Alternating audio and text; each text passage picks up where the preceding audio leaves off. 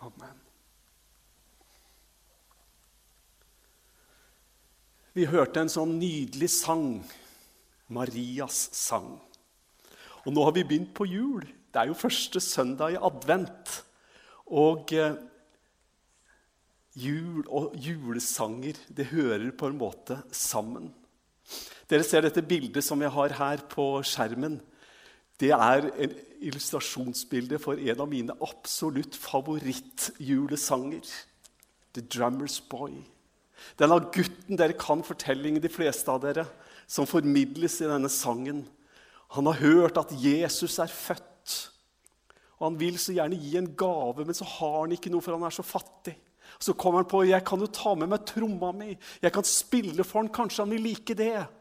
Og så syns jeg høydepunktet blir liksom når, når, når sangen forteller meg at, at, Jesus så på gutten og smilte.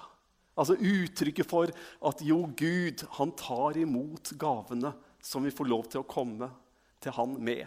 Så disse dagene som har gått, så har jeg hørt denne sangen igjen og igjen. Jeg har hørt den sunget av Bill Crosby, Johnny Cash, Bob Dalen, Gay the Vocal Band og, og andre. Sitter og hører samme sangen igjen og kjenner bare at det tar tak i meg. For det er noe merkelig med den sangen.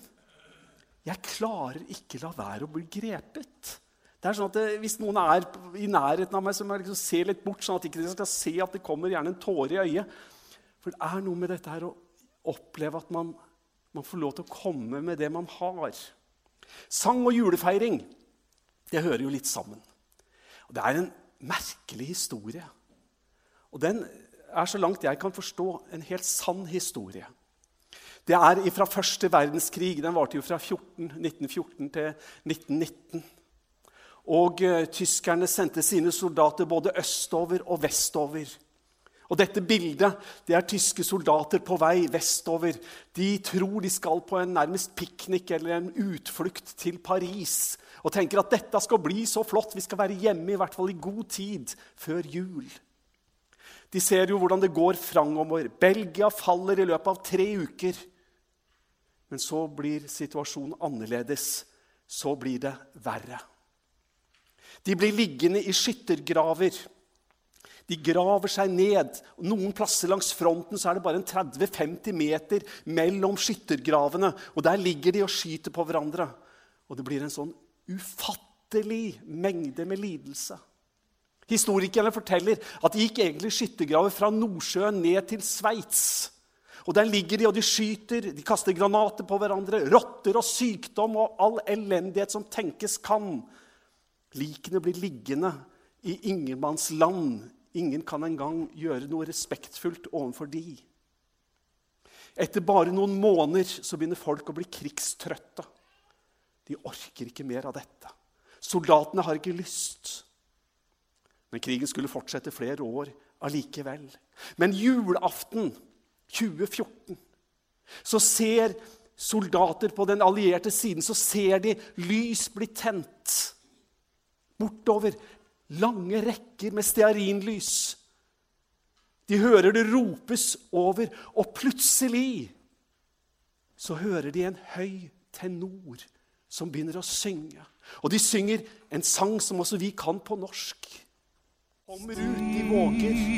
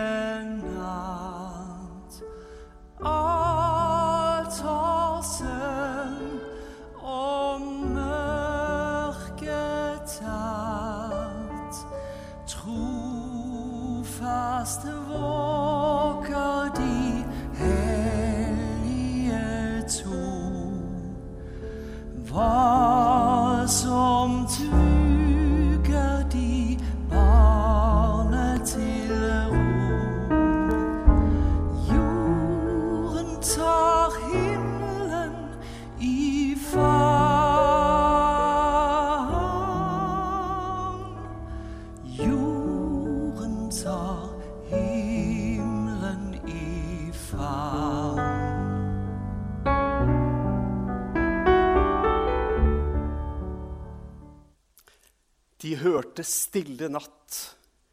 Håp tennes, det ropes på tvers av skyttergravene. Og så skjer det noe som man knapt kan tro er sant. Soldatene våger seg opp av skyttergravene. De går bort til hverandre. De gir hverandre sjokolade, tobakk. De noterer navn og adresse, for de tenker på når krigen en gang er slutt, så kan vi kanskje møtes. Britiske aviser de fikk ikke lov til å skrive mye om det, men de skrev litt. Nesten som om det skulle være en sporadisk, isolert hendelse. Tyske aviser fikk ikke skrive et ord om det som hadde skjedd der ute langs skyttergravene denne julaften. Det blei ikke slutt på krigen. Soldater blir bytta ut. De tyske soldatene blir hovedsakelig sendt til østfronten, nærmest som straff for hva de hadde gjort, for man deler ikke noe godt med fienden. Krigen fortsetter, men sangen, den hadde sprakt, den hadde brakt et håp om fred. Det hadde brakt et håp om noe annet. Du kan lese mer om denne fantastiske historien på historienett.no, der overskriften er 'Våpenhvile i julen'. Soldater feirer jul med fienden. Jul og sanger. Det er liksom bundet sammen. Og eh, sånn har det egentlig alltid vært. Når vi leser i første kapittel av Lukas' evangelium, så møter vi der fire forskjellige sanger. Den ene sangen det er jo om Zakarias sang. Det er det vi skal stoppe for i dag. Og Så er det englenes sang og Marias sang og Simons sang i den rekkefølgen som jeg har satt opp her. Ikke helt det samme som står i Lukas' evangelium. Og Så skal vi stoppe fire ganger nå i desember for disse sangene. Den første, altså Zakarias sang, den heter 'Bendictus'. Og det er fordi at det, Da det var skrevet på latin, så var det ordet 'bendictus' som på en måte var det første ordet i den strofen som heter eh, 'Velsignet er Herren, Israels Gud'. Marias sang, eller Nordfladens englenes sang, den kalles jo 'Gloria in excelsis'. Ære til Gud i det høyeste. Min sjel opphøyer Herren. Det er sangen om Magnifikat, som den heter. Og så har vi jo Simons sang, som er 'Nå lar du din tjener fare herifra'. Den heter 'Nunc dimittis'. Og sånn kunne vi fortsatt. Men i dag Zakaria, som eh, kommer med sin lovsang. Men to ting, bare litt raskt for å være sikker på at vi har med oss litt av bakgrunnen. Vi leser jo om Zakaria i eh, Det gamle testamentet, profeten Zakaria. Og Han levde jo noen århundrer før, så det er jo ikke han vi møter her i Lukas evangelium kapittel 1. Vi møter presten Zakaria. Han var i Jerusalem og gjorde tempeltjeneste. Han blir trukket ut med loddtrekning om at han skal få gå inn i, i helligdommen. Ikke i det aller helligste, men inn i helligdommen for å ofre røkoffer. Og han går inn der, og folket venter med spenning. Liksom. Det tar så lang tid. Og når han er der inne, Plutselig ser han et syn. Det er en engel som står der. En engel fra Gud som har et budskap til han. Og Dette er foranledningen til den lovsangen som han bryter ut i noen måneder seinere. For Zakaria han var barnløs. Han eh, og Elisabeth de hadde helt sikkert ønska seg i årevis, og de hadde bedt og bedt men hadde forblitt barnløse. Og nå kommer engelen, og så sier han, 'Frykt ikke, Zakaria. Din bønn er blitt hørt. Din kone Elisabeth skal føde deg en sønn, og du skal gi ham navnet Johannes.' Og Så forteller engelen om at han skal være en veirydder. Messias skal komme, og Zakaria han hører. Og selv om Zakaria var troende, så var dette mer enn det han kunne klare å tro. Han begynner å argumentere med sine spørsmål, vitner om at dette kan han ikke tro på, prøver å analysere det. Tar ikke imot det. Og Jeg vet ikke om det er riktig å si at en engel kan bli sint, men kanskje litt oppgitt og opprørt. For det står det at engelen sier, 'Jeg er Gabriel, som står for Guds ansikt.' 'Jeg er sendt deg for å tale til deg og bringe deg dette gledesbudskapet.' Det var jo det det var. Og så fortsetter engelen, og så sier han det at men siden du ikke trodde dette, så, det, så sier han nå skal du bli stum og ikke kunne tale før den dagen dette skjer. Det var litt av en beskjed som han fikk. Vel, det var litt info om Zakaria. Vi vet jo at på den tida når Zakaria levde, så var det en veldig gryende gjenkom, eller ikke, altså forventning om at Messias skulle komme. De hadde venta i århundrer, ja, årtusener. Men nå håpte de snart så kommer han. Det var et fokus på det. Kommer ikke Messias snart? Og Her er dette bakgrunnen når engelen Gabriel står der og sier nå er tida inne. Vi vet jo hvordan historien forløper. Det skjedde slik englene hadde sagt. Noen måneder deretter så holder denne presten som hadde stått der og talt Guds ord så mange ganger, da holder han oppfyllelsen av det løftet engelen hadde gitt, i armene sine. Og det er da han bryter ut i lovsangen. Da bobler det fullstendig over han når, når, han skriver på tavla at han skal hete Johannes, og han igjen kan snakke, så bare bryter det ut i lovsang.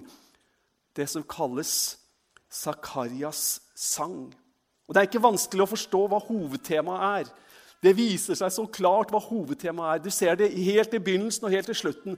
Helt i begynnelsen, der i vers 68, så står det Velsignet er Herren Israels Gud, for han har sett til sitt folk og forløst det. Og i vers 78 står det Slik skal lyset fra det høye gjeste oss som en soloppgang. Og det, det Zakaria sier, det er jo disse to uttrykkene. ikke sant? Han har sett til sitt folk, og han har gjestet oss.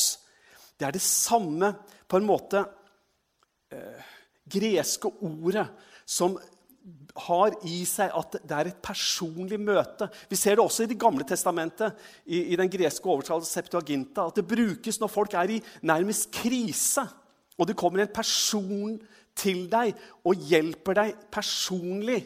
og Trøster, oppmuntrer, beskytter, bevarer. Det er det greske ordets betydning. Velsignet er Herren Israels Gud, for han har sett til sitt folk. Altså, han har kommet. Eh, slik skal lyset fra det høye gjeste oss med hans nærvær. Det er det samme ordet som Jesus bruker i Matteus 25, 36, da han sier, 'Jeg var syk, og dere så til meg.' Altså, dere kom til meg personlig. Det hadde gått 1000 år fra kong David. Salomo hadde utvida kongeriket enda mer. Det hadde gått 400 år siden den forrige skriftprofeten Malakias. Folk hadde vel begynt å se litt rart på disse jødene som gikk der og trodde at Messias skulle komme. Men nå bryter Zakaria ut i lovprisning og tilbedelse, for han skjønner at når Johannes, som har fått beskjed om at han skal være en veirydder, da kommer Messias rett bak. Nå er tida inne. De hadde lest i Det gamle testamentet. De hadde lest om at for et barn er oss født, en sønn er oss gitt. Herreveldet er lagt på hans skuldre. Han har fått navnet underfull rådgiver, veldig Gud, evig far, fredsfyrste. Hvem er det som får disse titlene? Veldig Gud, evig far, fredsfyrste. Og så skjønner Zakaria at jo, nå kommer han som profetene tidligere har talt om, som vi har lest om, som vi har sett fram imot. Nå kommer han. Og så blir det på en måte en adventslovsang for Zakaria. Han vet at nå er Johannes født. Da kommer han som komme skal. Navnet advent kommer jo fra latin, det også. Adventus redemptoris, frelserens ankomst. De venter på en frelser. Zakaria, hvilken dag han en gang hadde der i tempelet. Når engelen kom og sa 'Din bønn er blitt hørt'. Hvilken dag han har når han holder løft, dette, denne sønnen som har blitt lovt ham, i armene sine, og han skjønner at Gud holder sitt løfte. Adventus redemptoris, frelserens ankomst. Og fire ting Gud hører bønn. Det er lovsangens tema. Han har kommet til oss. Han har ikke glemt oss. Han kommer til oss personlig. Ikke bare ved at han sender en profet med et budskap til oss, men Gud kommer selv til oss. Det er noen ganger en SMS ikke er godt nok. Det er noen ganger du må være der for kanskje både å trøste og hjelpe, for å dele både smerte og sorg. Da er det ikke nok å bare sende en SMS. Og her er det Gud som ikke bare sender en beskjed, men som kommer til oss. Og så er det dette at vår Messias, han vil også komme. Det var en forventning om at Messias kommer. Det var en forventning når Zakaria hørte hva engelen sa i tempelet. Og for vår del så har det gått et par tusen år siden da. Og vi har sagt at snart kommer han. Og på samme måte som jødene måtte vente i årtusener, så er det noe med den lovsangen som synges i advent. Den sangen som Zakaria sang om noe som han hadde sett oppfylt, men som han så noe som skulle komme der framme. Messias kom til å komme, for nå var veirydderen her. Og for vår del også så er det en mulighet for oss å kunne forstå og se at vi lever i en advent, vi også. Det har gått, som jeg nevnte, 2000 år siden dette skjedde, at Jesus kom første gang. Men dere, hvordan Jesu gjenkomst kommer til å arte seg, og hvordan Guds rike skal åpenbares iblant oss, det er et eget tema. Men det jeg understreker nå, det er han har ikke glemt oss.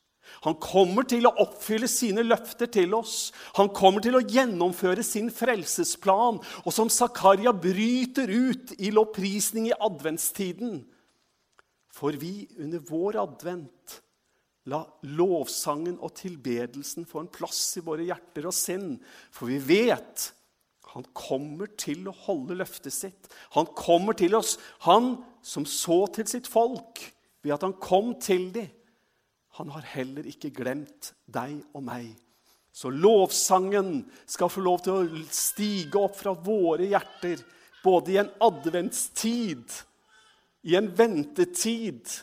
For han kommer, han som komme skal, til både deg og meg. Og han kommer denne gangen som den gang til frelse for dem som venter på ham.